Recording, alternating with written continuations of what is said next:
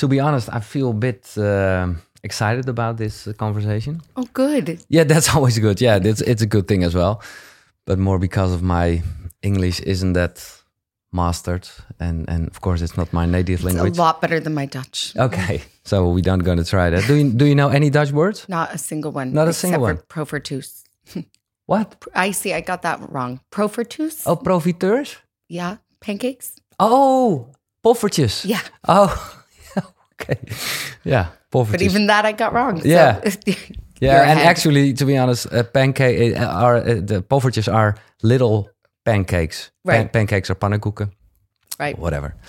Uh, Charlotte Fox Weaver, zij is hier. Zij heeft een boek geschreven, ehm, Wat wij willen. Inzicht in onze diepe verlangens. En nou ja, dat is vertaald uiteraard. What We Want heet het oorspronkelijk. En uh, ja, I, I, I love the book because you give us a really well inside view of of well your job. Thank s- you. Yeah, sometimes it's a bit like because I went to uh, a psychologist, uh, uh, uh, well, uh, a lot, and then I thought, oh, what would she write about our conversation and about uh, yeah about well the the journey you made with a how, do you do you call it clients client or I call them clients, but I don't love the word. no? That's why I ask. Yeah, we should come up with a new one because Yeah. patience I don't really No, like either. no, no, no, no. People. Yeah, people. Yeah, that's what it was. Um, so I, I looked it up because what we want, it's about well desire. Desire is uh, the most used word in the book, like two hundred ten times. Wow, I like that you did your research. Um, and uh, uh, yeah, well, it's a big question. But what is desire? Desire is for me it's it's a sense of possibility. Yeah, It's a kind of kinetic force. And it can be simple, it can be complex. It's it's motion Mhm. and energy. And yeah. You call it the backdrop for action. Yes. Um, I think it's a huge motivator. And it, it's also very vulnerable and risky. And it suggests what we lack as much as what's possible. So it's paradoxical. Yeah, exactly. Because it gives, of course, good energy to change. Um, but it's always the hard thing because, yeah, enough is enough. Yeah, I think I think desire is a conflict for all of us, whatever culture, whatever situation. Yeah, but it. But it, it's a great conflict. yeah, yeah, yeah, and it's it's like you say, it's it's possibility, it's energy, it's yeah. Ehm, dus het boek gaat over de diepste verlangens, waar waar nou ja, eh, desire een onderwerp van is. Eh, ook eh, to love and be loved, understanding, power, attention, freedom, to create, to belong, to win, to connect, what we shouldn't want, and uh, control. So, what what what do you think of these themes is like one of the biggest? If you if you have to rank them, Well, I, I can say I, one of the most kind of complicated ones is wanting what we shouldn't. Mm-hmm. It's probably my favorite one. okay. Well, and, and and we talked about desire. So, what can you tell us about that? I mean, I, we are constantly negotiating the rules of desire, and we're caught somewhere between wanting to be acceptable and be liked. One of the things we want is to be wanted, mm-hmm. And wanting to break away and rebel and do our own thing. And I think, I think it's a fascinating and rich line to negotiate and to consider because it's all the ways we kind of get ourselves into trouble, but also come alive. Great, yeah. And and uh, what is your own story to start? Uh, How do you? Uh, because somewhere you write, uh, I yeah, I wanted this job because it's it's for life. So I I wanted this work for all the wrong reasons as well as the right ones. And I, I hope I'm not ever kind of overly virtuous or righteous seeming. My profession sometimes suffers from that. But I I probably wanted to become a therapist for the wrong reason of revenge. Um, I, revenge is apparently not the best motive. I kind of like it though But revenge for what? revenge for having the worst therapist ever starting as a child. Um, and I I was forced into therapy. I'd had heart surgery when I was four and a half, and I had terrible death anxiety and and panicked about dying all the time Okay. as a young child. And I was sent to this therapist, and he was he was a beast. Um, I mean, he didn't do anything horrifying, not technically, but Mhm. I felt I felt judged. I felt trapped. Mm. I felt misunderstood. I felt like he was invading, and I I felt a real lack of freedom. And I didn't even know what I felt most But of the time. feel- but it wasn't good. good, no. it did Okay. not feel good. Okay. And I think I kind of made some vow to try to make up for it because there was something really hopeful about the space at the same time. Like I, I think I wanted something from therapy and I, I was very anxious and had terrible worries. But he he would say, You're here because of your worries. And the way he said worries was so nasal and so kind of cloying. Yeah, yeah. I can I can hear it now. Wow.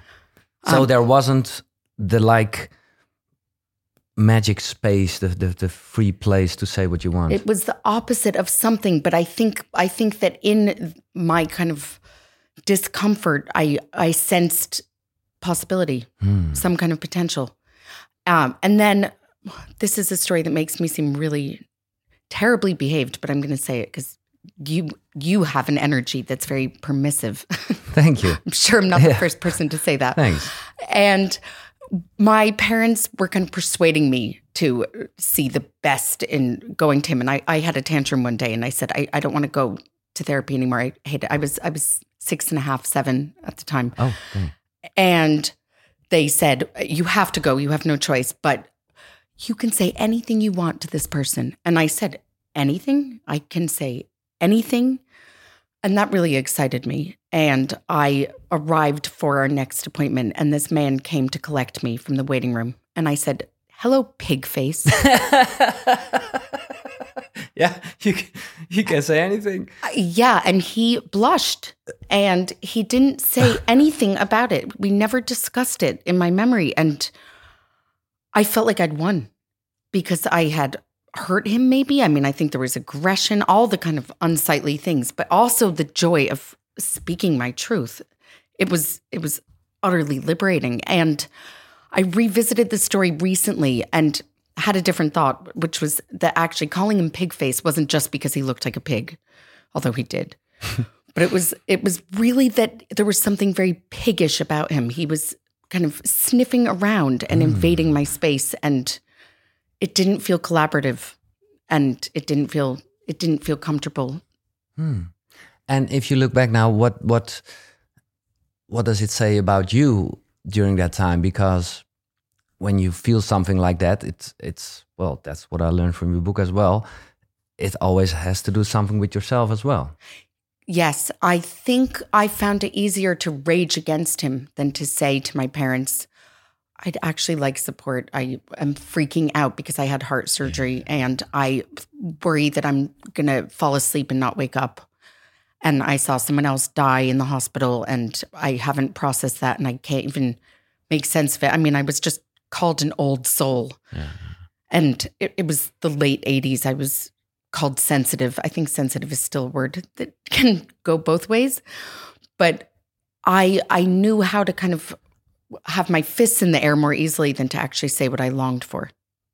But now I understand because uh, in in the part about to connect, you well you're really giving an advice. If you don't feel comfortable with the person you talk, change to another therapist, Mm. and that's that's now I understand even more. That's that's from your own story. Mm. Yeah. But in that part, and uh, I was I was thinking about that. I I think I know what you mean. But you are saying don't try to connect with everyone you meet. I think there's something about being real and genuine and and calling it. Um, not everyone is going to be your soulmate, and it's so wonderful when it happens that you can actually be yourself. Mm-hmm. But there is a kind of pretending that goes on that that can make a lot of encounters really really stilted and uncomfortable. And I think sometimes acknowledging that just internally is is also liberating because mm. there's too much pressure to kind of fake this connection thing. But in a certain way, you can say, yeah, even a bad connection is a connection. So it's it's you cannot not connect with somebody. Yeah, I mean, I think that being real is helpful, and and that includes acknowledging failed connections, and and even when you connect with someone, it's not a constant thing, No. and and couples and the kind of romantic ideal of permanently connecting is just a myth, and we're not great at admitting that we all have times of disconnect Yeah. disconnect from our own stories, disconnect from people we love and care about, disconnect from our children. So the pretending to connect thing, I, I think is very lonely. Yeah, yeah, yeah. Yeah, and and now you mean more like be on the same frequency connection thing. Yeah. And I sometimes it's just off. It's just that kind of discord and like that that awkward, clunky thing that happens. It's like bad sex. It just happens mm-hmm. sometimes. And Yeah. happens to good people. Yeah. and you say it's okay. It's okay. What what adds to awkwardness is when we feel like we have to put on a show. So it's just a joy when you can even say to a friend that that was weird between us. I don't I don't think we have to go around being truth crusaders at every single moment, but it does help. To help yourself. to yourself. Yeah. yeah. Yeah, yeah, yeah. Hmm. Um yeah, I have a lot of questions and the first one is also really a big thing uh, and I'm I I I- I think you know uh, the Course in Miracles. Yeah. Uh, so I'm really busy with studying that book now, which is a hard thing, and but I love it. It it it, it changes things, but there are really uh, hard about the ego, Mm. and and yeah. So what what is your opinion about the ego? Because as you probably know, the course is like ego is bad, and yeah, uh, I'm, sorry to disagree with you on no, this yeah, one. no, yeah. That's that's why I ask because in a certain way it gives me like a, a possibility to to relax a bit about that. Yeah, and also having different opinions can be expansive, right? So, of, of yeah. course, yeah. Um, it's how you grow and learn. I I think that ego is not a dirty word. I I think ego is our amigo, and I Ami- amigo. yeah, nice. thank you. I actually think it's a beautiful word as well. Like three letters, it's perfect, and it it means self. It means I in Latin. I think part of the problem is that it's been really badly defined, and there's so many different interpretations. And then it's the narcissism of small differences. So Jung says one thing, Freud says another, Kohut says something else, blah blah blah, and mm-hmm. and then we kind of decide that actually it's it's shameful. And I think it's been used and exploited, like the word freedom. I mm-hmm. think it's been pimped as a concept. Like I've been told in a work situation not to have ego. And I was told not to have ego by someone who is really, really Full of. full of ego. yeah. And took advantage of me wanting to people please and kind of humbly serve. And that really messed with me. And I, I think that our ego is actually a good advocate for us and helps us negotiate. And it's not the same as narcissism. No. It's a sense of self and essence and, and mattering. And is there a difference? It's more like a wordplay. I don't want to get there, but is ego the same as identity? I think, sure, it is. But it's kind of lovely as a concept of self, like identity changes and and maybe ego changes too. I think we don't even need to worry too much about kind of overly nuanced details of it. It part of my problem with the kind of denigration, or not just denigration, but kind of shunning the ego is that it mm-hmm. isn't realistic. Like however you feel about it, it it's not going to go away. No. Actually, No. and so when people say like get rid of the ego, what on earth does that mean? It, it usually ends up meaning that you overly self-sacrifice and then it comes out sideways with a huge resentment debt that builds and I mean, I see it all the time. I see it to make a generalization that might sound risky. I, I have young children. I- Mothers sometimes forget their own ego. And it comes and messes with us at other moments. Yeah. Yeah, oh, this it's, it's nice to hear, and of course, I think we all understand that you shouldn't always listen to the voice in your head who makes problems about anything. So that's sure that's the bad Agreed. part of the ego. Or you should aware, be aware of it and and maybe not always listen to it, but you say it's there. It's there, and I mean, it's interesting that we think we have the option of canceling it because I like don't have fear or don't have greed, don't have envy. I, however we feel about it, Yeah. I I'm not in favor of censorship internally. That doesn't mean we have to act on everything and fulfill every whim, but I think acknowledgement is helpful. Yeah. And do you think we can change our identity? Absolutely, and I think we should. I'm I'm in favor of having identity crises, and and they're disturbing and unsettling, but they also open cracks for possibility. It's a, it's a great story as well. Eh, ik zal even uitleggen aan de hand van de thema's die ik al net doornam. Ik zal ze even in het Nederlands doen. eh, hè, dus liefhebben en geliefd worden, verlangen, begrip, macht, aandacht, vrijheid, creëren, erbij horen, winnen, verbinden. Wat we niet zouden moeten willen en controle. Is er elke keer eh, een, een, nou ja, een cliënt dus. Of iemand die dan bij Charlotte in de, ja, aan tafel komt. En um, well, this story about the identity crisis is a is a great story about a architect Thank you. who who uh, yeah who works at the well with with a guy with a big ego. And at first it's like, oh, he's he's my life, and then in the end, it's like.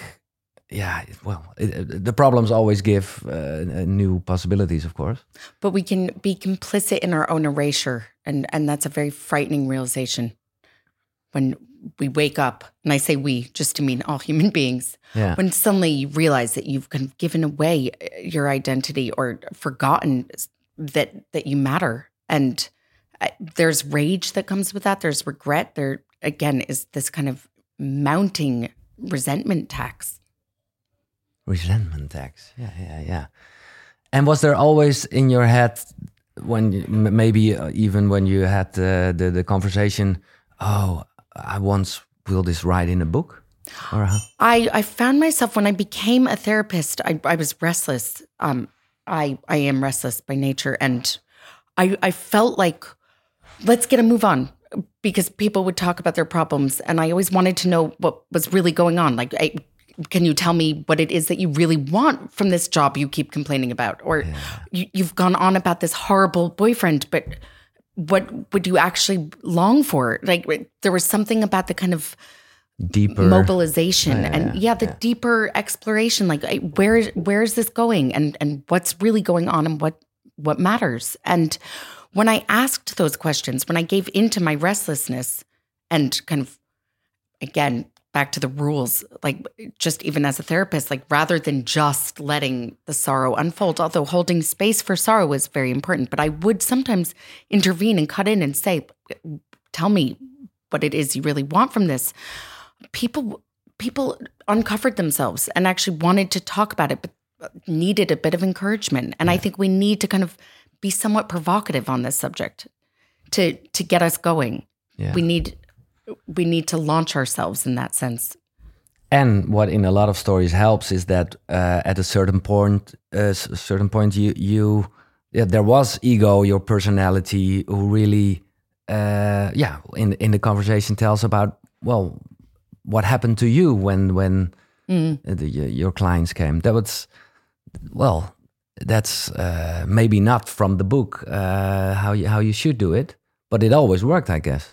I mean, I I just wasn't able to be a rigid, pure, kind of overly Puritan therapist, rightly or wrongly. I, I still imagine the judgment. I'm I'm sure, but, but there's something about freedom and kind of unshackling ourselves. I I think therapy should just be an adventure. I think it should be exciting, and I think it should be interesting. And making it narrow and restrictive is only repeating other restrictions. And I think let's let's open things up and and see what's possible.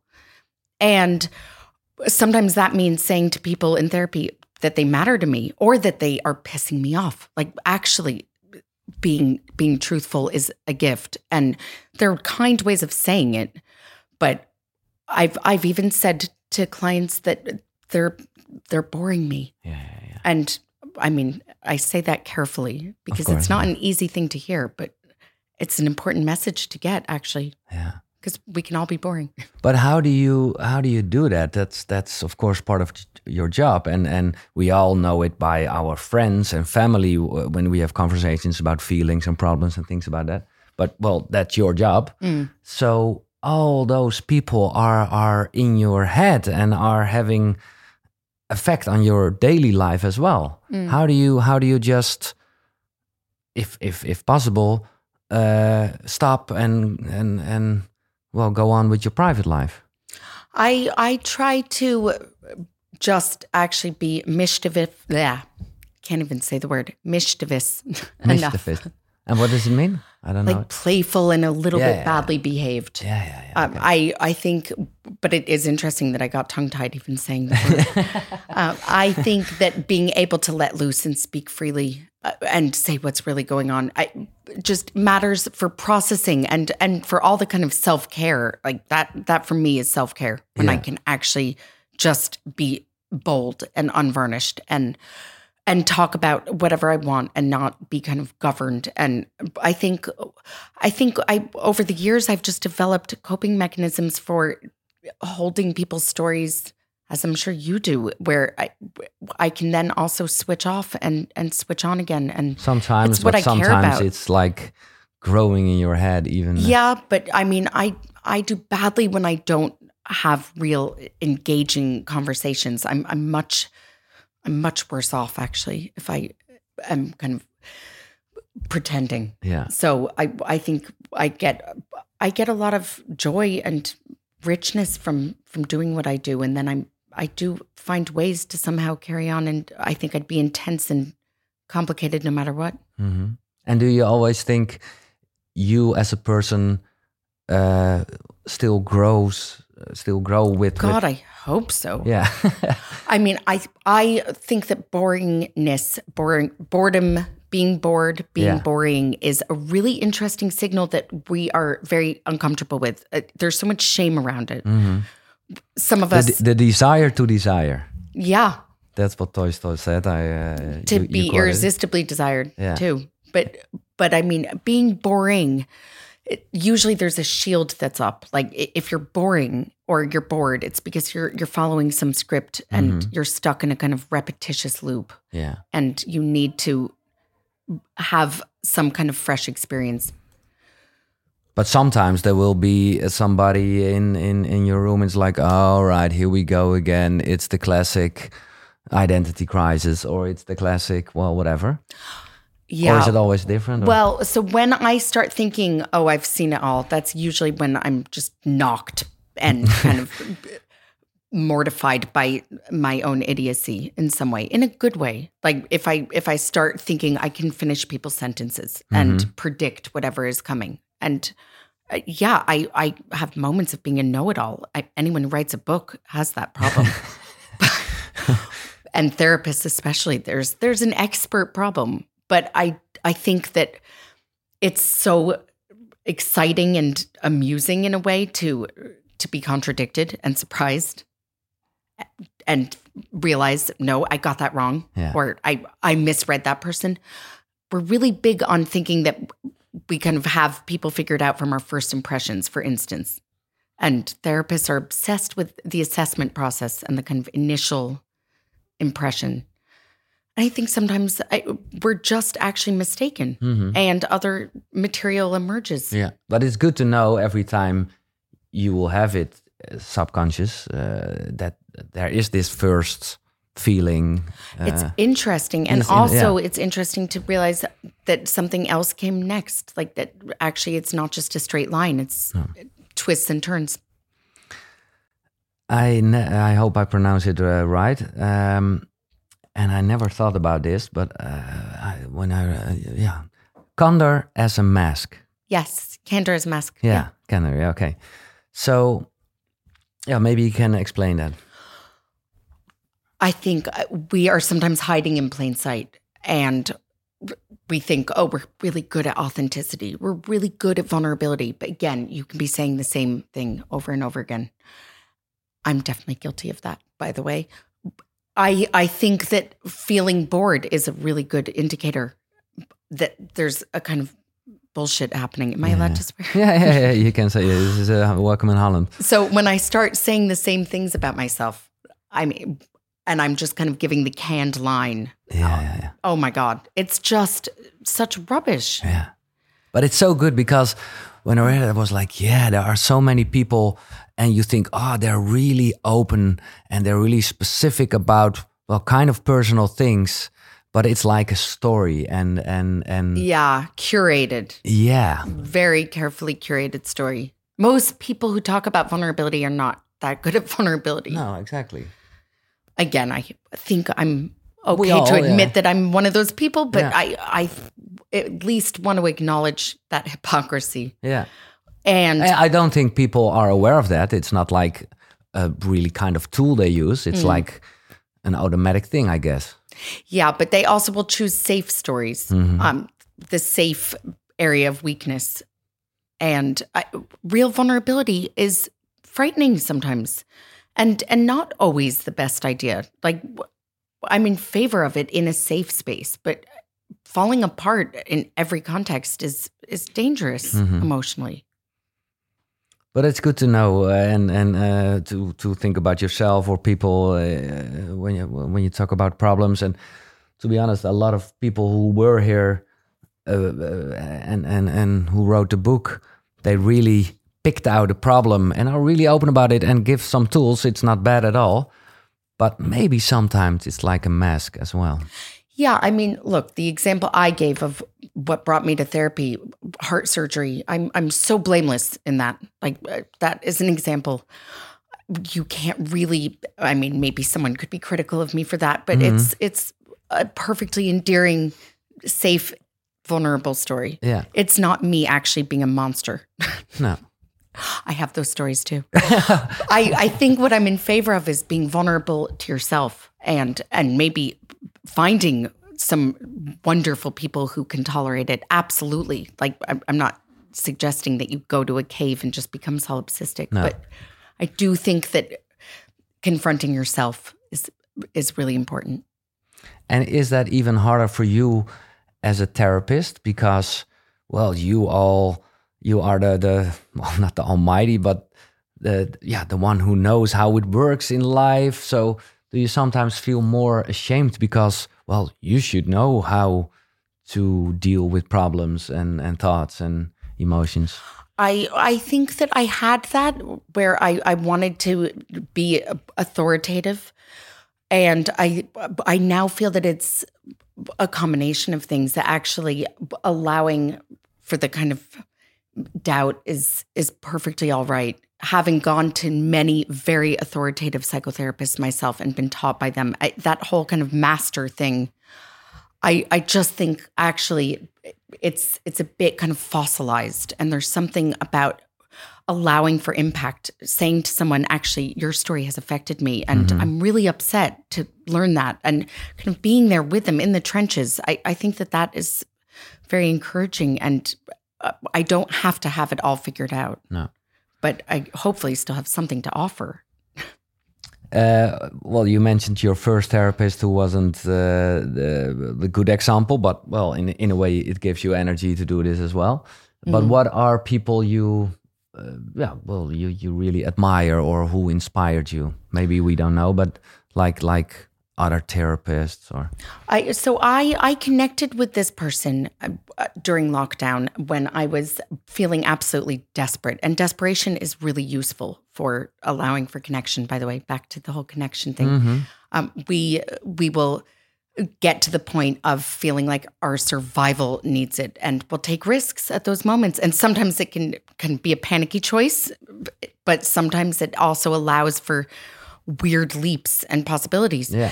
And I connected with this woman in her 70s and I kind of appointed her as my fairy godmother because I had really terrible godparents, as most of us do. Mm-hmm. I think I, we, we grow up and feel disappointed. It's one of life's disappointments. I lucky people who who have active, wonderful godparents. But I wanted a kind of guide, and this woman just became my ally. And she is incredible, and she's bold and and gutsy, and she says things that just allow me to breathe more easily. And one of the things that she says is some situations are hopeless.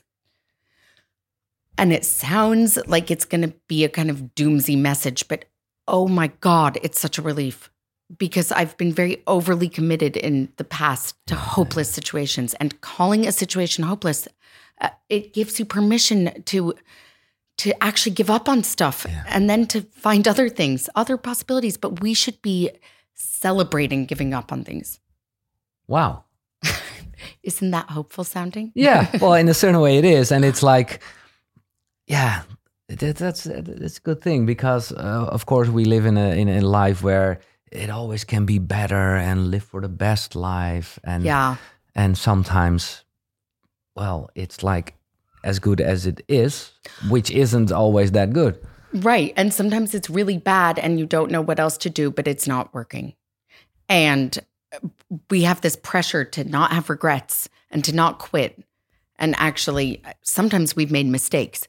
So uh, we're not great at quitting. I, I've been an overcommitter for a long time. And and when I started writing this book, I, I gave up on certain things uh, simply because I had this kind of clarity for the first time that actually I had failed at certain things. I had invested in friendships that mm. that weren't working or work relationships that were problematic and weren't going to get better. But I think I think part of it is that we want to be heroes. So we really like to turn obstacles around. We we want to make everything okay and and change other people and not ourselves. Yeah. And and does the the mothership changed a lot in that?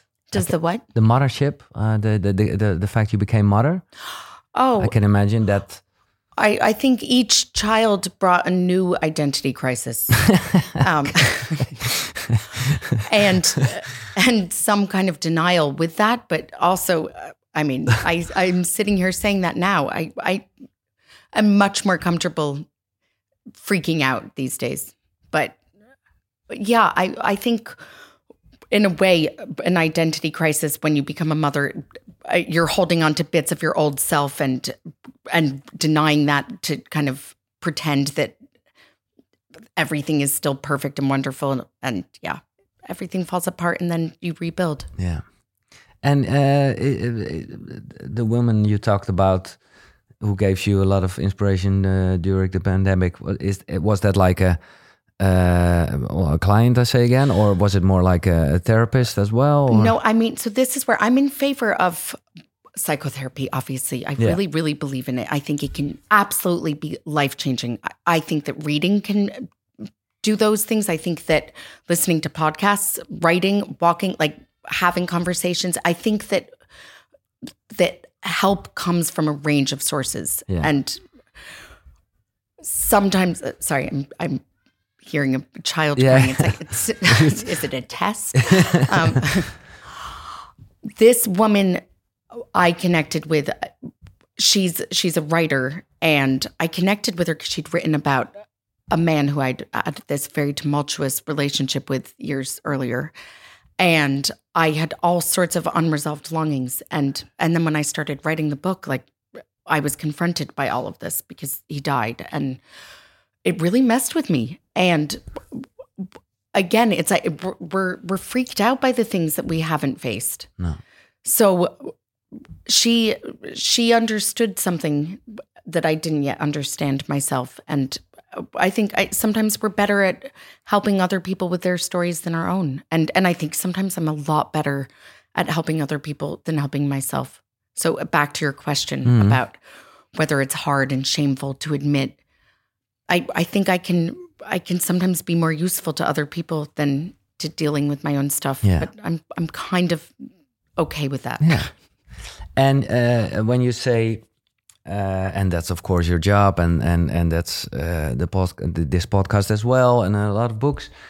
Um, but what I am still learning more is that it's not always about the mind. Sometimes it's it's in the body as well. Yeah. So then it uh, has nothing to do with information or, but more with like touching and and how do you feel about that?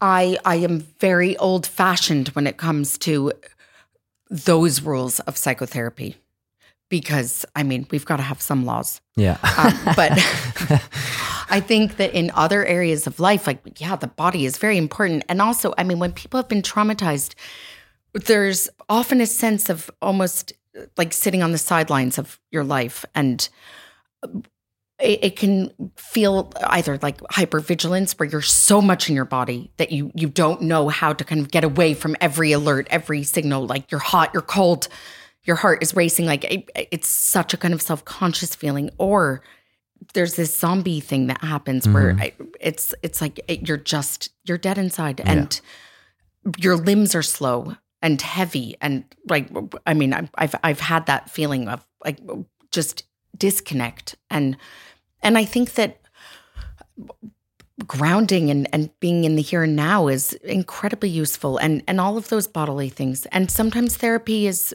is too much about talk therapy. Exactly. That's what i meant. And and and it, of course it's a, like a holistic thing and it's about the combination. But therapy should help people live their lives. It shouldn't just help people be in that room of therapy once a week it should it should be about making life better so i mean uh, it was a huge breakthrough recently when when a client of mine described getting a getting on a bicycle and just going somewhere. He had no idea where he was going, but he felt the wind in his face and he was someone who was so obsessed with being able to predict, being able to control, being able to navigate and prepare.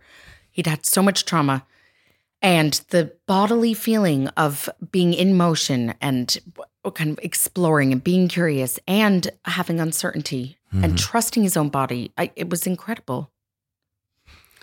Uh, talking about uh, trusting your body and and uh, well, what you just say about control, um, it's it's a question I ask a lot, and I know maybe it isn't possible, but I'm I'm really curious what you think. Can you train, and how then uh, your intuition? You think? I love that question.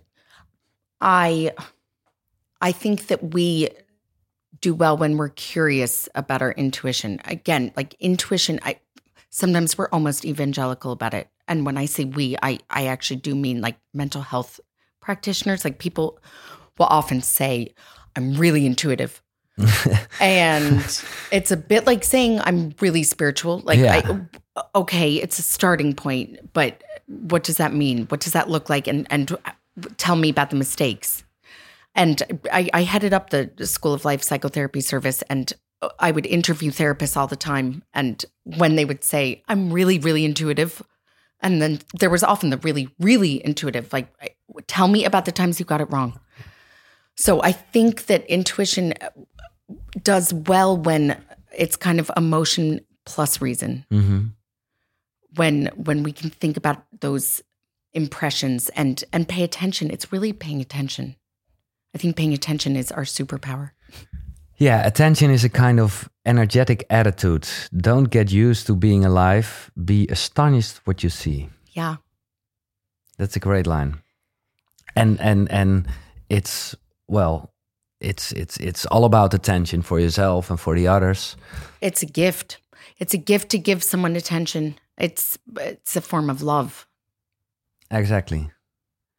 And uh, that's a, that's a great line as well. People who aren't getting enough attention uh, are the, the, are the ones that struggle to pay attention. You say? Mm.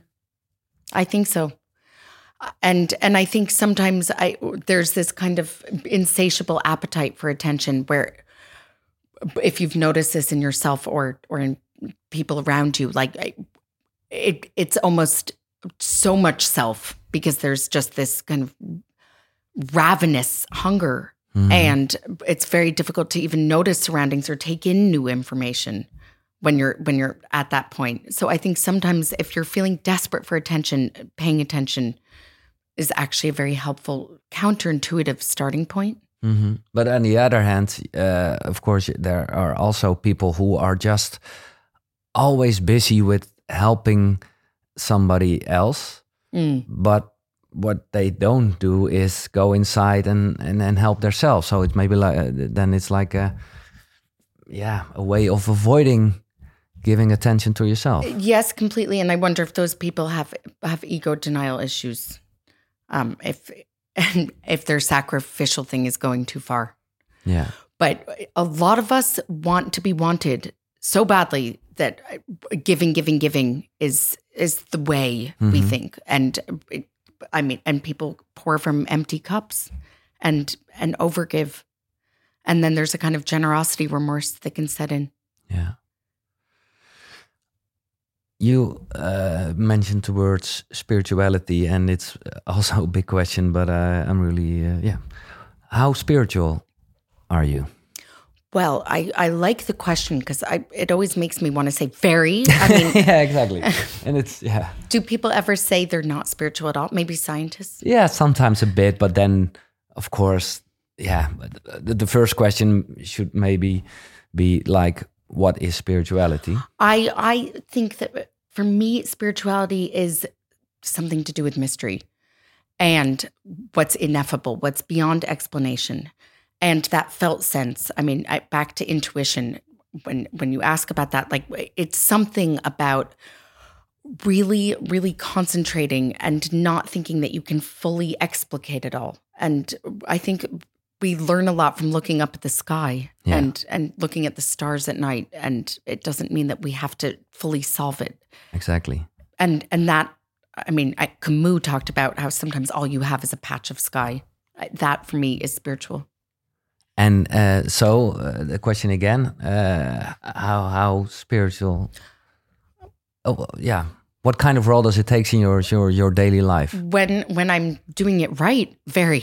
But when when I'm in kind of fretting, overthinking mode, I I sometimes forget to be spiritual. I I think it is something that I actually need to remind myself of that I need to allow as a priority. Do you have uh, like a, a daily morning routine? Franticness and chaos, and then That's honest. order, disorder, counter order. Yeah, yeah. That's my morning routine.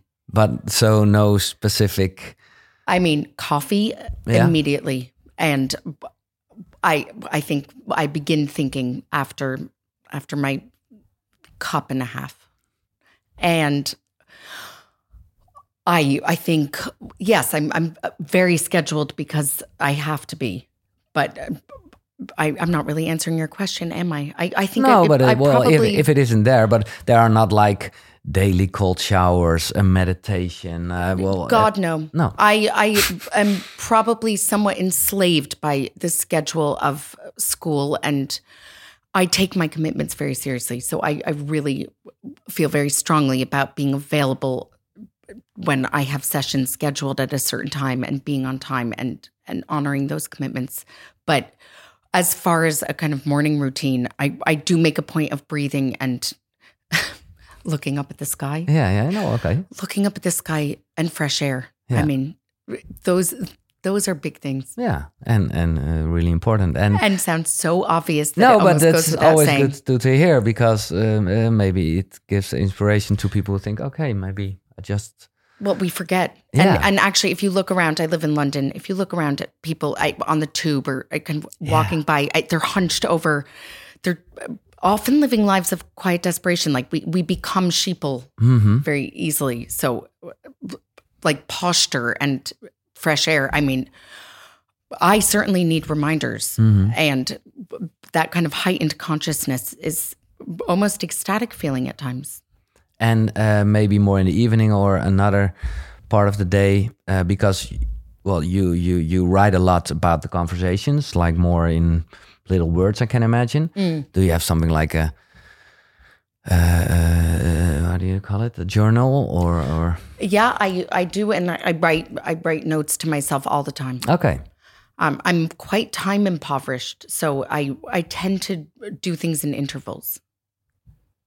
And for that reason, I mean, when I have the opportunity to be a flaneur and just wander, it is pure joy. Yeah. Unscheduled, spontaneous time. But sometimes I do schedule spontaneity. That is that is one ritual. how do you do that then I mean, actually, it's a joke with with friends from university that I, apparently, when I was eighteen, I used to say, uh, "Do you want to be spontaneous, like on Tuesday at four? exactly But actually, I think I think I was onto something. I think young me knew that it had to sometimes be contrived. Like we have to schedule in time that's protected. So I, I do put in time into my calendar of flaneur time, wandering around. Free space for yourself yeah. and uh... just yeah, it, walking through a market, whatever it is. Like, but it's protected time. It's as serious a commitment as meeting someone where you've had a long standing date. Yeah. I ask you, uh, which I do to every person, to uh, bring with you uh, three books. Oh, not really bring with you, but uh, talk about books who inspired you, who made you as the person, well, you are now. Wow, I'm I'm just drawing in a breath to uh, make sure I get this right first of all, I like changing my mind, so I I'm contradictory. It's a uh, but yeah, yeah. Breakfast at Tiffany's by Truman Capote. I one of the most beautiful books, and it's so much about freedom.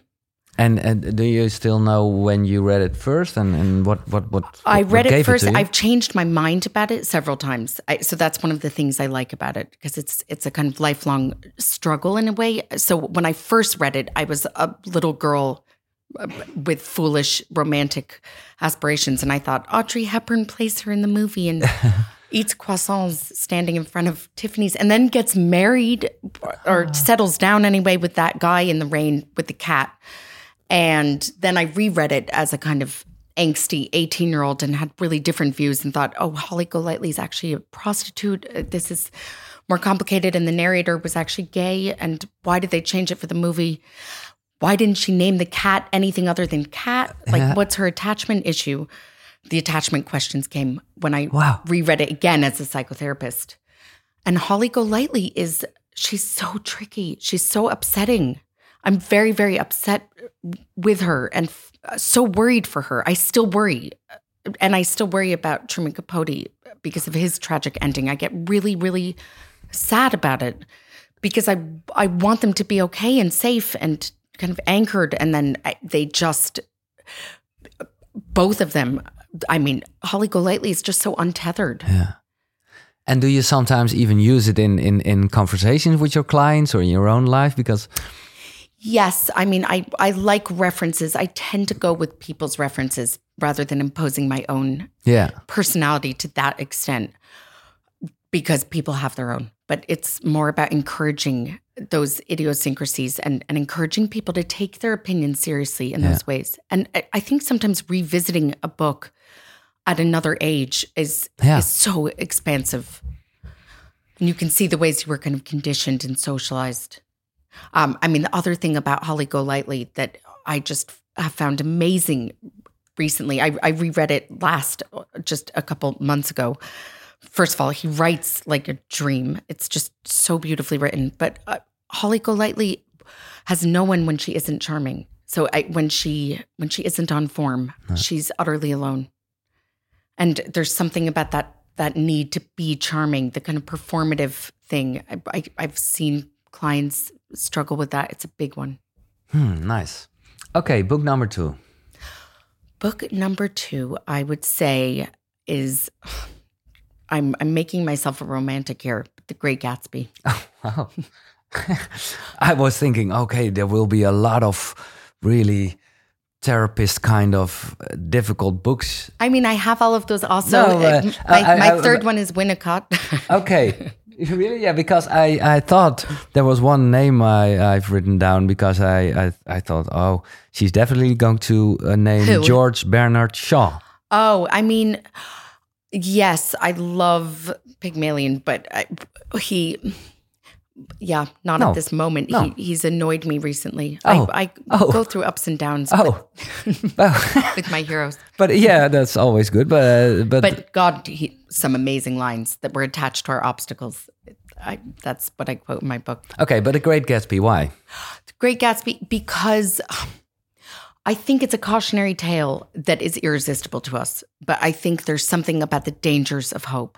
Mm. And holding on to those stories that that we haven't that we haven't kind of worked through and also i mean you can be obsessively thinking about something and that doesn't mean that you've thought it through So I, we really play tricks on ourselves, and I think I think that story captures that beautifully. And there's something about the kind of carelessness of Daisy Buchanan and Tom Buchanan, and uh, the romantic past, the nostalgia, that uh, the seduction of nostalgia is huge. But it's again a thin line. Uh, uh, the danger of hope or desire as a possibility. Yes, I mean hope, hope against hope. I, I think that when we have a clear picture of our desires, then we can make higher level choices. We can make co- congruent choices, like where where we have a sense of our values and a sense of what matters to us, mm-hmm. and we can be onto ourselves. So it's not just some absolute thing of all desire should be obeyed and fulfilled. And I think one of the really important lessons of The Great Gatsby is disappointment. Because uh, Nick Carraway is profoundly disappointed. And I think that's such an important coming of age thing to go through, Yeah. surviving disappointment.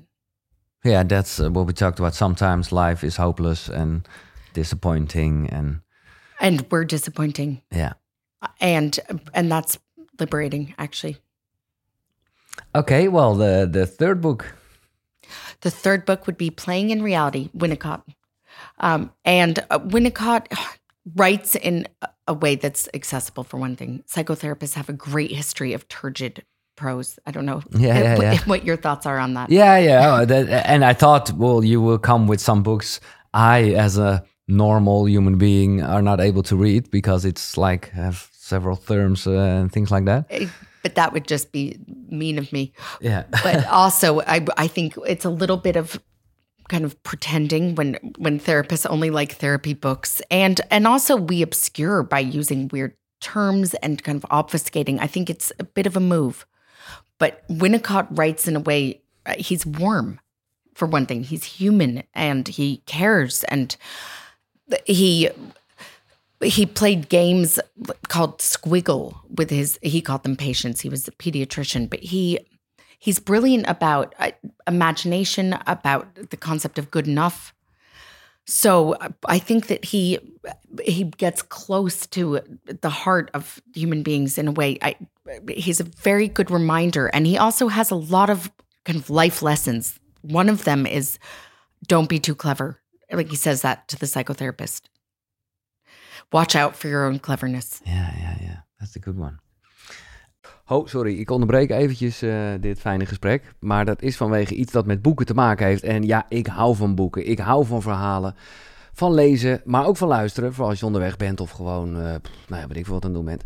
En ik heb nu iets stof met de vrienden van Next Story. Daar vind je echt op die site, jongen, 300.000 boeken. Dus ook zeker de boeken die net besproken zijn. En ik mag je nu, en dat is echt wel een toffe actie, 50 dagen gratis aanbieden. Ja, die gasten die geloven gewoon wel eh, in zichzelf. Dus die denken, oké, dan hebben we ze. Maar dat kan je echt even checken. Eh, ga naar koekeroe.nl slash boekenkast. Daar vind je sowieso alle boeken die besproken zijn eh, nou in de afgelopen afleveringen. En daar vind je dus ook een link. En via die link kan je 50 dagen gratis Next Story gebruiken. Check het, koekeroe.nl slash boekenkast. But on the other hand, and and and it's of course uh, a really human book you wrote, so uh, we can all read it. But it's sometimes really interesting to to hear uh, to to learn some terms. For example, uh, I, I don't know if you pronounce it right. Compersion. compersion i just love this term and i'm desperate for it to become Oh, but it's great. So can you? Thank you. Yeah. Um, I mean, I just I feel I have a crush on that term. I, I get word crushes, actually, word infatuations, even. Um, compersion, I think, is like the beautiful child of gratitude, which which can be pressure. I mean, I like gratitude, but we can also go into gratitude spirals, and uh, like it, it can become a, an opportunity to humble brag. Compersion is feeling pleasure for someone else. And it's the opposite of Schadenfreude. Yeah. And I I'm in favor of both. Because I mean, I, I'm certainly not moralistic about these things. We have lots of Schadenfreude, we also have compersion. And I think that being aware of it allows for it more because it, it's sometimes easier to actually feel excitement for someone else than for yourself. And it's a really lovely thing that should be championed. So again, like being conscious of it. Once I once I came across that word, I now make a point of kind of marking it for myself when I feel excited for someone else's success. Yeah. No, it's it, I, I didn't know the word, and at a certain point I thought, oh, it's like empathy, but empathy normally is like that you feel, uh, well, uh, yeah, for their sorrow. For the exactly, exactly, yeah, exactly. I know we. Sh- so I mean, this is why like gratitude. It's kind of like relational gratitude. Yeah, yeah. And and gratitude, it, it can just be so singular, but actually, I, feeling really glad for for your friend. Oh, so nice. And you can kind of give yourself goosebumps for being such a good person. Yeah. and it's a good way because uh, we talked a lot about uh, uh, grateful things and, and writing in your journal things uh, to be grateful about. But it's mostly about your own life. And, and like you said, maybe it's even more fun to feel good about somebody else. Yes, yes, and and also back to the ego thing. Like sometimes it's really nice, just ego wise, to be near success. Mm-hmm. Okay, let's do uh, let's do uh, another term, uh, and I don't think you made this, but I never heard it. Musturbation. Yes, I'm so glad that you brought that up. I, I didn't know if I I always feel a little bit shocking if I talk about oh no masturbation no, no. or masturbation. Yeah, it's master with um, with, with a. So yeah. I did not come up with it. Albert Ellis came up with it, and he uh, he was this crotchety shrink.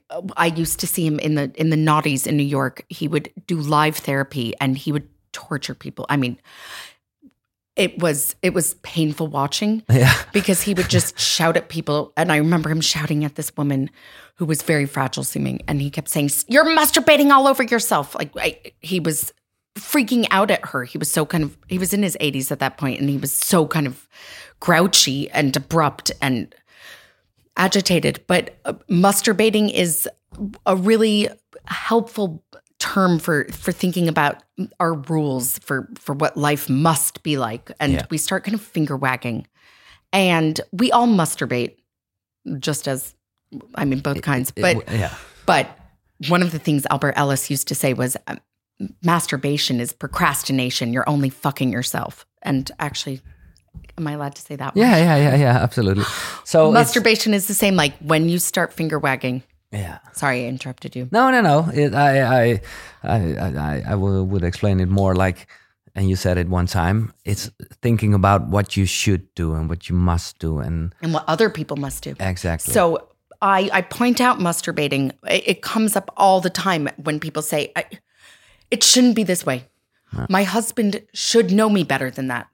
Like this, Waste this isn't what I signed up for. Yeah. I, it's like I, it's not going with the twists and turns. It's no. it's imposing some kind of injunction that that the world is not on board with. Like no. the world is going to break your heart, and things are not going to match the pictures that you have in your head of what life is supposed to look like.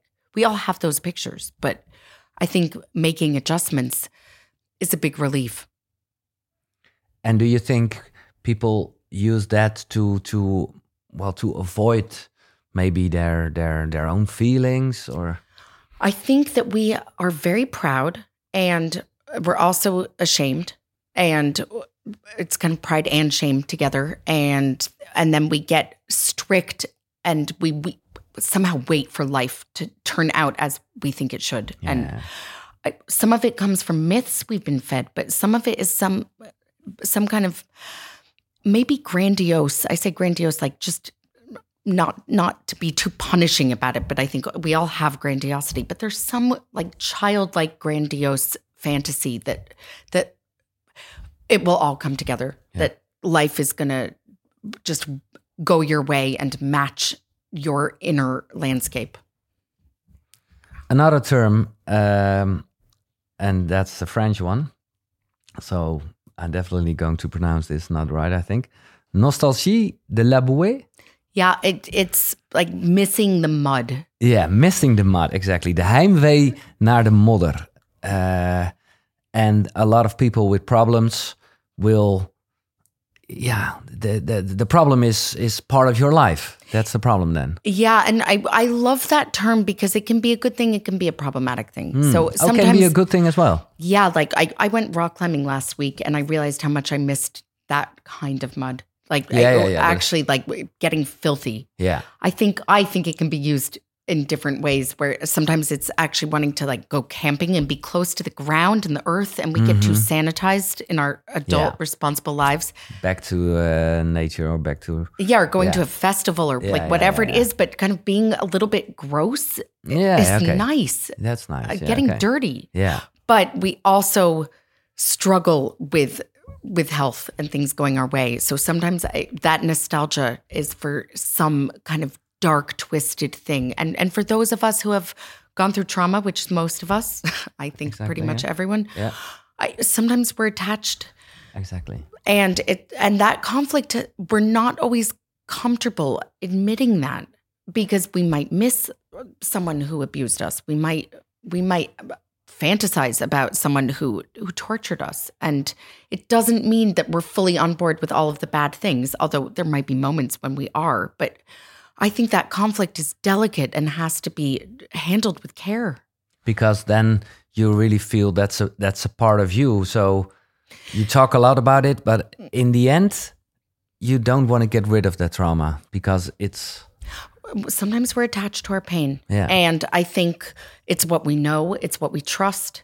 It's the first story of love or the first story of work or the first story of connection. And if it's not the first story, it's the second or third one. Like something in us learned a lesson about about pain and struggle. And it it's also a kind of animal part of us where we we embrace struggle Yeah, to a yeah, degree like uh, where we kind of want to then overcome obstacles but actually getting getting to the other side is daunting yeah. get But overwhelmed why do you say it's the animal part? Because I think in real world, uh, the animals just really like shaking and get rid of the trauma and go on with his life. So uh, maybe when it comes to, well, definitely when it comes to complex trauma and Yeah. like emotional stories, but I think there is something about about overcoming obstacles that you see even in the animal world, like I, where it's it's conquest, it's determination, it's aggression, it's some it's some savage part of us too, where like conflict and and even pain uh, can sometimes make us feel alive. I mean, I I think that can be part of it when we feel disconnected depravity and even going to something that's kind of savage it can be a, a reminder of our own existence Yeah. What do you think? I'm i'm very curious. I feel like this is this is resonating with yeah, this is resonating a lot, and and uh, well, a lot of things going in my head because at first sitting here, t- beginning actually with this whole podcast, I really was saying to myself, and and uh, well, in the microphone as well, I'm not, I'm not, I'm not having a connection with my body. I don't feel the connection, and at a certain point, I thought, oh, that this is this is I I I just keep on saying this uh, and and then word can really help to just say well i'm working on it and Mm. it's changing a lot. Um so that was uh, yeah that, I, I was thinking about that. Interesting. Yeah. So you've been saying that story again and again. Yeah. Mm. and now i'm i'm really see it as and and, and you you just uh, had the word disconnection. And actually yeah maybe it's a bit fake to say but i uh, yeah now i i, I think disconnection doesn't exist. Mm. uh, and maybe it isn't the ideal connection but and and sometimes people can really yeah get a connection talking about disconnection. Yeah. That's that's Yeah. what was in my head. It, yes it comes full circle yeah and I, we have a way of exaggerating problems actually yeah which sounds like I'm minimizing, but we overcomplicate things. And actually, I, in, in my book, I I think we can have a lot of things go our way, and like it's more okay than we realize. Life is more okay than we realize once we kind of embrace the dark and twisted. But in what kind of time you think we are? Because we are more talking about emotions and and feelings like uh, well ever, I guess. But and and it's more uh, standard to go to a therapist. But well, maybe you can say, oh, don't talk about anything, just live life. Oh, well, I mean, I, I tend not to say that. because you don't have a job anymore. Well, no, no, no. I do want people to not need to have therapy forever. There, there are other ways, but yes, I, I'm in favor of, of discussion. Um, but I also think that life is not something that we can solve. And I think once we embrace the disappointment thing, and we realize that life is never enough. Like the whole concept of enoughness is mm-hmm. bullshit actually. And i in my book i talk about enoughness as a, it's it's useful to have as a concept but also it's only going to be temporary because yeah. life will fall short. We will fall short. Like it, it's never completely fulfilling in a permanent way. But once we realize that oh my god it's it's so consoling because then so like, you say enough it it uh, we will never we'll never have absolute freedom. We'll no. never okay. love perfectly. Okay. We'll never have entire, total, permanent power. We will never win at everything. Like we're always a hair away from loss. We're always a thread away from things falling apart. And it's the idea that we think that we could kind of solve life that actually messes with us so much because mm-hmm. I, we're then on this tightrope thinking that we can figure it out and, and kind of do it properly. And then we start ruminating and second guessing and thinking, if only I'd made that choice 10 years ago and ended up with that guy that weekend, everything would have turned out perfectly. Yeah. Like we have some fantasy of glory yeah. and and actually it's a disaster for everyone. And yay. Once we know that, exactly, we can we can have an awful lot. And do you think uh, social media has a well big influence about this whole sure. I mean i i think that it, it gives us a more more space to obsess over impression management. Mm-hmm. um but i also think that that we're always putting ourselves out there in it's some from way. all times. Yeah. So, yeah yeah. So and i know the answer because i wrote it down but but that well brings us to to like yeah the whole meaning of of these conversations but in uh, the, you as a therapist is it is it more like knowing that enough uh, will never be enough that we always will have problems I I think look up at the stars and uh, you're not going to get there. I I know I I keep on saying that, but you might think that I sound like I'm stoned. I'm, I'm not. but I found it mind blowing when I sang to my first child, uh, "Twinkle Twinkle Little Star." I assume you sing the same yeah, song. Yeah, yeah, absolutely. How I wonder what you are up above the world so high, like a diamond in the sky. It's like it's about mystery and yeah. and space between and not having and not being entirely fulfilled and still marveling and I mean, I, I find those lyrics absolutely mesmerizing. That's why I thought you might think I'm stoned if I told no, you that. No, no, no, no, not at all. I, I think that once we know that it's always it's always surprising and astonishing and wonderful uh, and mysterious and, and difficult. I we can't fix it all. No. But we can we can kind of embrace our appetite for life. Wow and um, and uh, yeah, I, I, heard what you say, of course.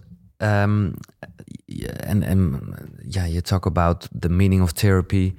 That and I, I love this to turn ghosts into ancestors. Yes, but as I hear you now, they will they are they they are always ghosts as well. Well, no, I mean, I think I think that there's a lot we can do to to reorganize ourselves emotionally. So I'm not just in favor of like helter skelter. Oh, well, whatever. Life is just a big old mess. Like I, there is a lot we can do, but we're not going to get it completely right. No. But I think that when it comes to turning a ghost into an ancestor, it's about facing whatever it is that's behind us, like and and actually seeing seeing what's there and and not thinking that we can totally fix it. No, So, for- but you do, but it's more like knowing who you are and what your problems are. Or yeah, and then you're onto yourself, and it's such a relief. So, I mean, it's kind of like uh, when you when you can file away something, and like if you had to dig that out, you would know you would know where to go and get it. But it's it's filed away. It's not like live no. like spooking you playing games tricking you and and when people are haunted by emotional ghosts like they're they're freaked out at any turn. Like I, they're making weird choices because they're startled. They're yeah, because they're- of like a trigger and uh, yeah, yeah. and no one else can see it. No.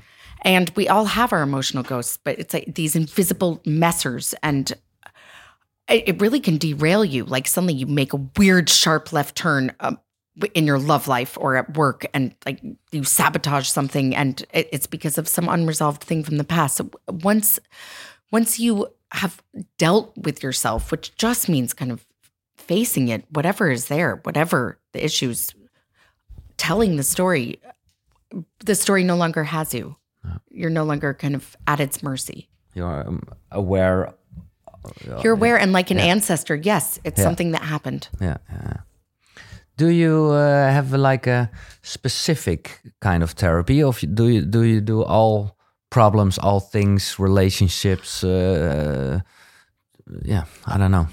all problems Okay. because I I don't ever want to specialize because I think that things can be holistic and and touch on other things. So like I in my book I write about a woman who has vaginismus, Yeah. that weird word. Yeah. Um and I wouldn't want to just specialize in psychosexual issues because I think it connects to uh, spiritual issues and uh, like food issues. I mean, I think I think so many of our problems are connected. hmm So I I wouldn't want to just eliminate anything. I'm too greedy. Yeah. yeah. And well, uh, I can imagine for you, it's then always a new story and a new thing. Mm. So you will be well paying attention, staying curious, and but uh, that's why I ask because I can imagine that uh, if you have like uh, uh, a relationship and there's one story in the book wh- where two people are sitting there, I can imagine it's such uh, another another way of having those conversations because it's yeah there- there there's always something going on between Couples therapy is Yeah. very different feeling from individual therapy. yeah and I I did need separate training for that because I I didn't want to kind of be an imposter. But I think I think you have to be more involved as therapists. Like you can't just let things kind of meander in the same way. So I, it's a lot more interventionist. yeah exactly yeah yeah yeah Um, and you have to interrupt. I think because I think it can be very unhelpful if a couples therapist sits there while two toxic people, like not that people themselves are just toxic, but if there's a toxic dynamic, letting people just like eviscerate each other is is not okay. And actually, it can it can even collude with something. So I think it is up to a therapist to to sometimes be tough and and say difficult things and yeah get in the middle. it's a good I, I i love words so uh you say in that specific part that um you can make uh, a duel Mm. into a duet Yes, thank you. that's beautiful Thank you. and that's what it is because and and there are more people who who well explaining love uh, in a relationship with with the with a dance and Mm. but in this way it's a lot about singing it's it's yeah and and we have choice i mean we all have moments where we could we could feel justified in being enraged by our loved ones and there is also the option of actually trying to see the best at that moment. And i say that not to be a pollyanna because there are also moments to to really express your discontent. But i mean we have choice in in our mindset about it to some degree. And and we can be generous or we can be really really critical. But again, how difficult is it with all, well, all, all the information you have? Um, well, your your husband is Robbie, yes uh, and uh, yeah, I can imagine that. Well, I don't know if he throws it up, but uh, yeah, well, How how does it work when you guys have like a fight or I, because then you are so aware of what's going on and knows I I win every time. Obviously, no. he would say the opposite. yeah exactly Um, I, yeah, I think that I can be, I can use words as weapons, and I'm definitely guilty of that. And I will just argue, and and sometimes uh, he also, I mean, he's not a psychotherapist, no exactly um, but he he will get really annoyed by that by that trick. I mean, therapists are are difficult people. yeah so how uh, how how does it work then when when yeah? There are plenty of times when we have both reminded each other of turning a duel into a duet and and we have decided to actually just not argue even though we could even though we're stressed even though uh, we've pissed each other off. Yeah, yeah. because life is usually somewhat simpler and better if we get along in our particular situation. But I, there are moments when when fighting is necessary but it can also be a kind of maladaptive attempt to connect actually back to your connection thing so can you explain that a bit sometimes rather than saying what we want we just jab each other yeah yeah, yeah. so instead of saying to him yeah ex- I want attention because I feel invisible. Instead of saying that, I will just criticize him and say, like, why haven't you paid that bill? yeah yeah And it's just easier. It, it feels somehow safer and it's a little bit more cognitive as well.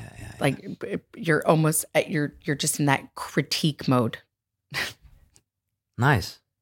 That's a good. And then, then sometimes I think about this when uh, people, and that's a more like a social media thing, but people are reacting very negative, and and of course sometimes it it will hit me and hurt me, but in other positions I think, oh, they they give me attention. They they wanna wanna get a reaction. It's well, it's maybe it sounds too uh, spiritual, but it's all about love. Yeah. Yeah. But also, I mean, I I don't know how you feel about criticism. Does it kind of does it reverberate? Sometimes, and and and but Do you I th- love your enemies? Yeah, well, to be honest, I think I can uh, go on with it more, even better than than um, how do you say it in English? Uh, uh, when people love you and they give, uh, oh my god! and I it's know. like the same thing, and Yeah. and uh, because yeah. it feels real, because it feels true in some way. But Yeah. also, I mean, this is where we get attached to our traumas. Like, I, we remember traumatic relationships more vividly sometimes than the perfectly banal, pleasant ones. mhm. I sometimes think that's that's so unfortunate. Like, yeah, we remember the people who really messed us up and broke our hearts and behaved appallingly. Uh, but like, what about those perfectly pleasant Yeah. spring afternoons? Forgotten. yeah, that's that's how it works. Yeah. Um, I wanna uh, do one more question, but I have to go Yeah. to the bathroom. Okay. Uh, yeah, so I'll be Go. Absolutely.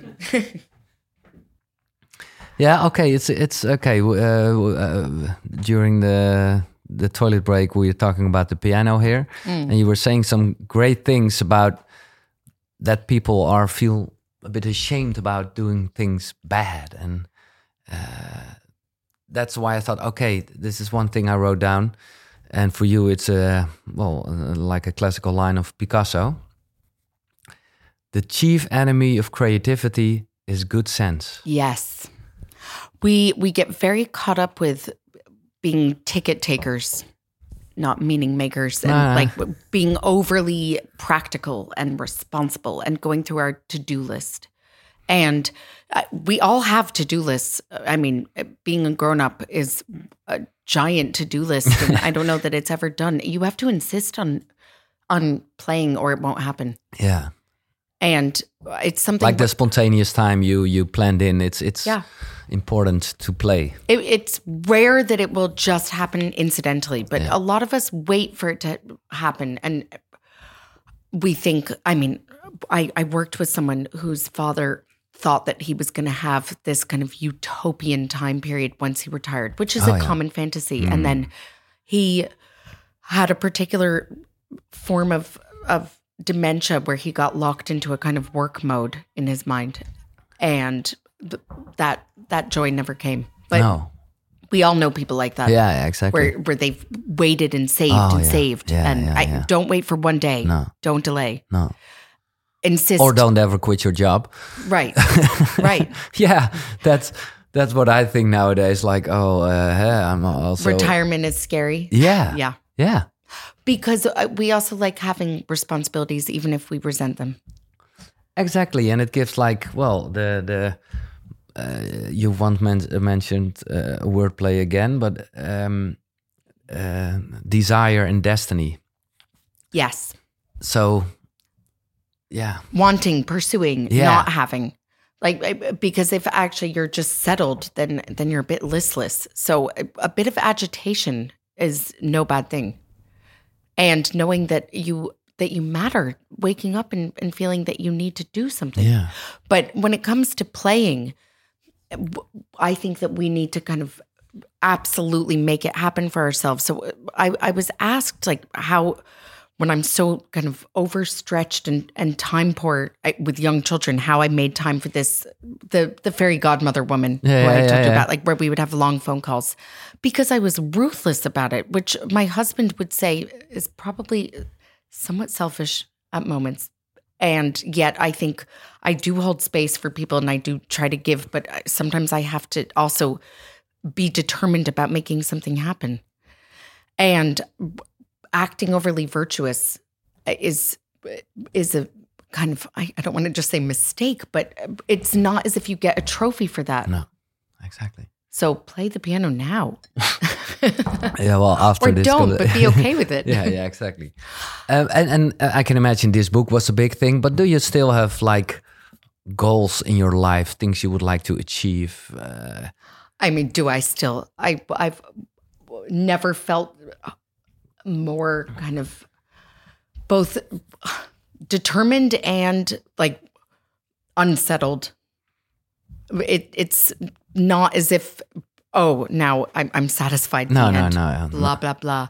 It's very weird having a book come out. It's another kind of postpartum, um, and the ego stuff. Oh my god. Yeah. I mean, so so cringy and uncomfortable and awkward and like yeah i i think i think that wanting is a very kind of impatient thing and and it moves to the next thing and i uh, embrace that i Yeah, i love exactly. desire Use it as an energy. i love it and Yeah. i love it when i realize that i have some absolutely monstrous desire that i do not have to act on like when i realize oh my god i actually want to kill that person doesn't mean i'm going to go and do it but i'm i'm kind of able to deal with myself yeah, yeah, yeah.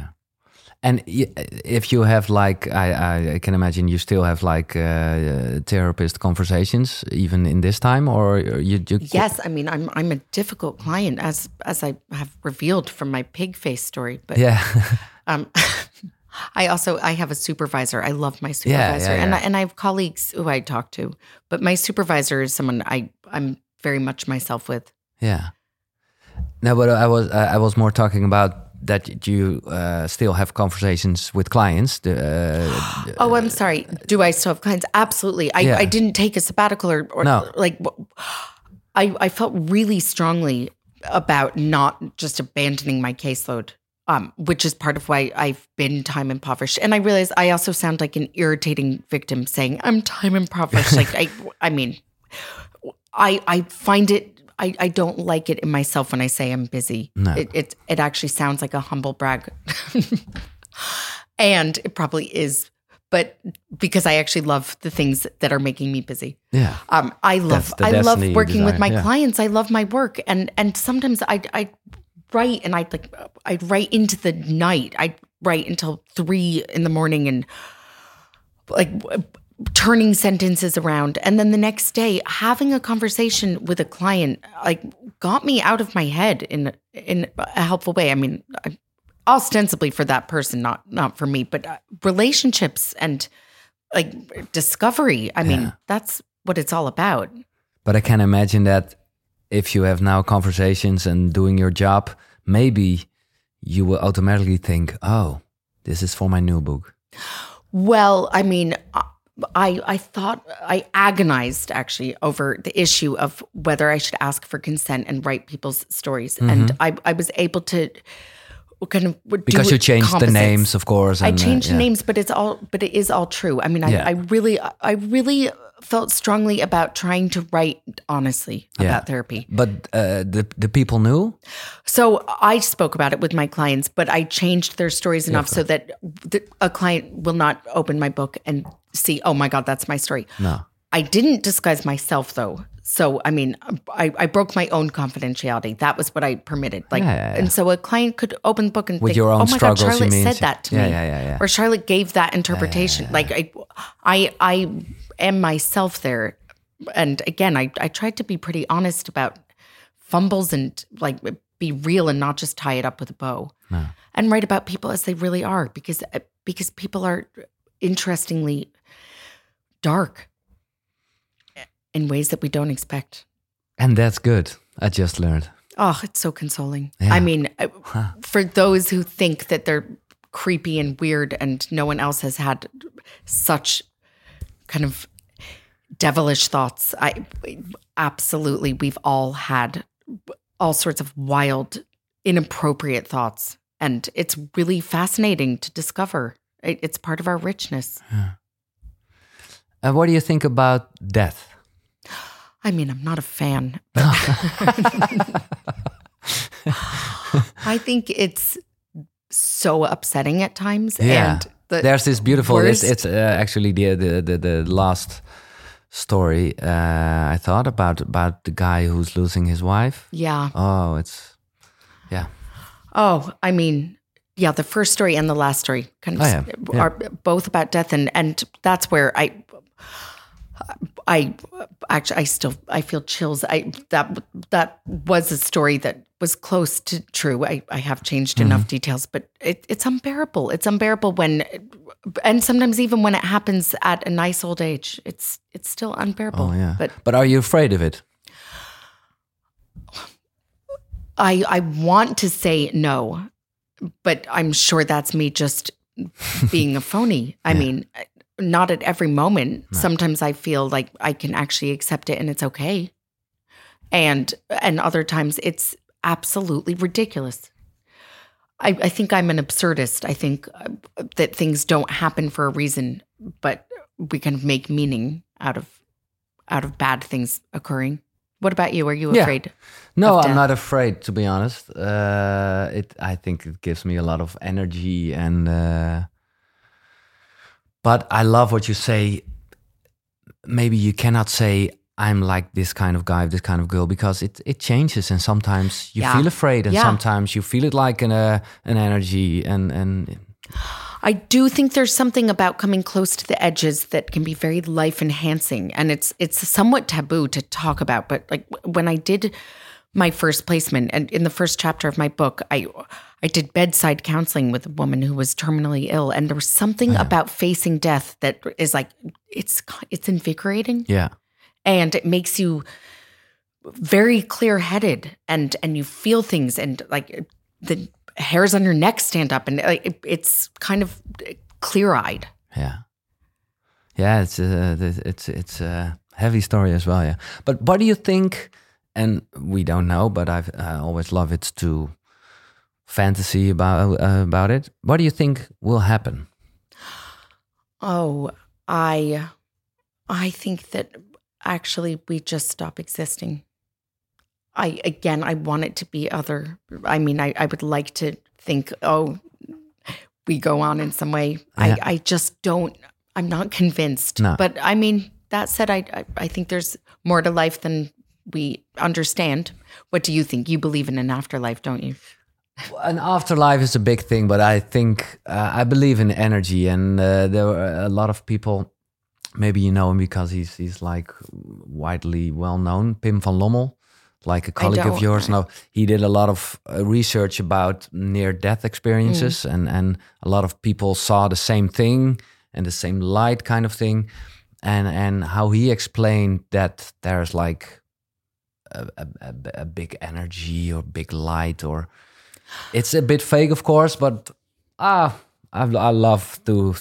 Uh, and if and if it doesn't, I'm dead. So uh, no Isn't problem. it weird? We absolutely just don't know. No, I mean, that's no, but that's fun as well. we have no no, real data, do we? no. But what we do know is that me as a person, you as a person, and and and the body at a certain point uh, uh, will leave planet. Yeah.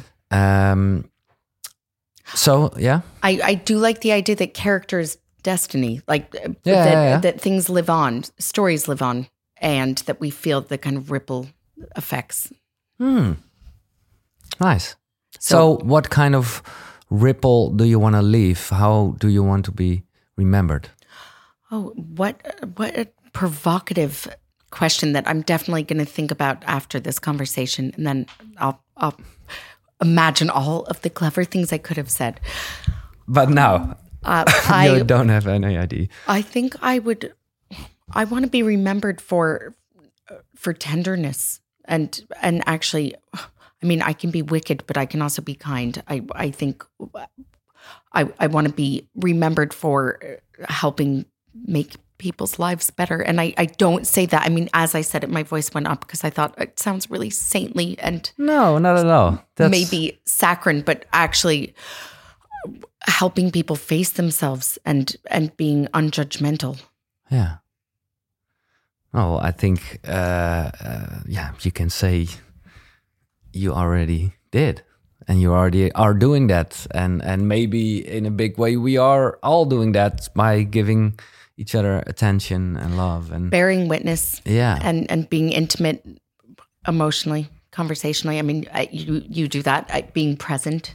I, these things definitely contribute but it's never enough no, but that's okay. it is okay limitations are also what make things possible Yeah. Thank you so much, Charlotte, for Thank for you. for for your book, for your inspiration, and for your time here. thank you so much this has been uh, joyful Oké, thank you.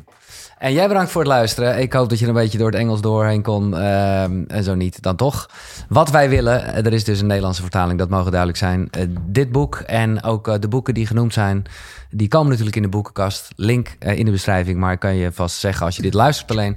koekeroe.nl slash Charlotte. Daar eh, zullen alle links te vinden zijn. Laat vooral een reactie achter. Eh, geef me altijd informatie als je denkt... oh, maar nu je toch ook buitenlandse gasten hebt... dan moet je die en die hebben. Eh, mailen kan gewoon giel.koekeroe.nl Dit was hem. Tot de volgende. Zonnegroet. Hoi.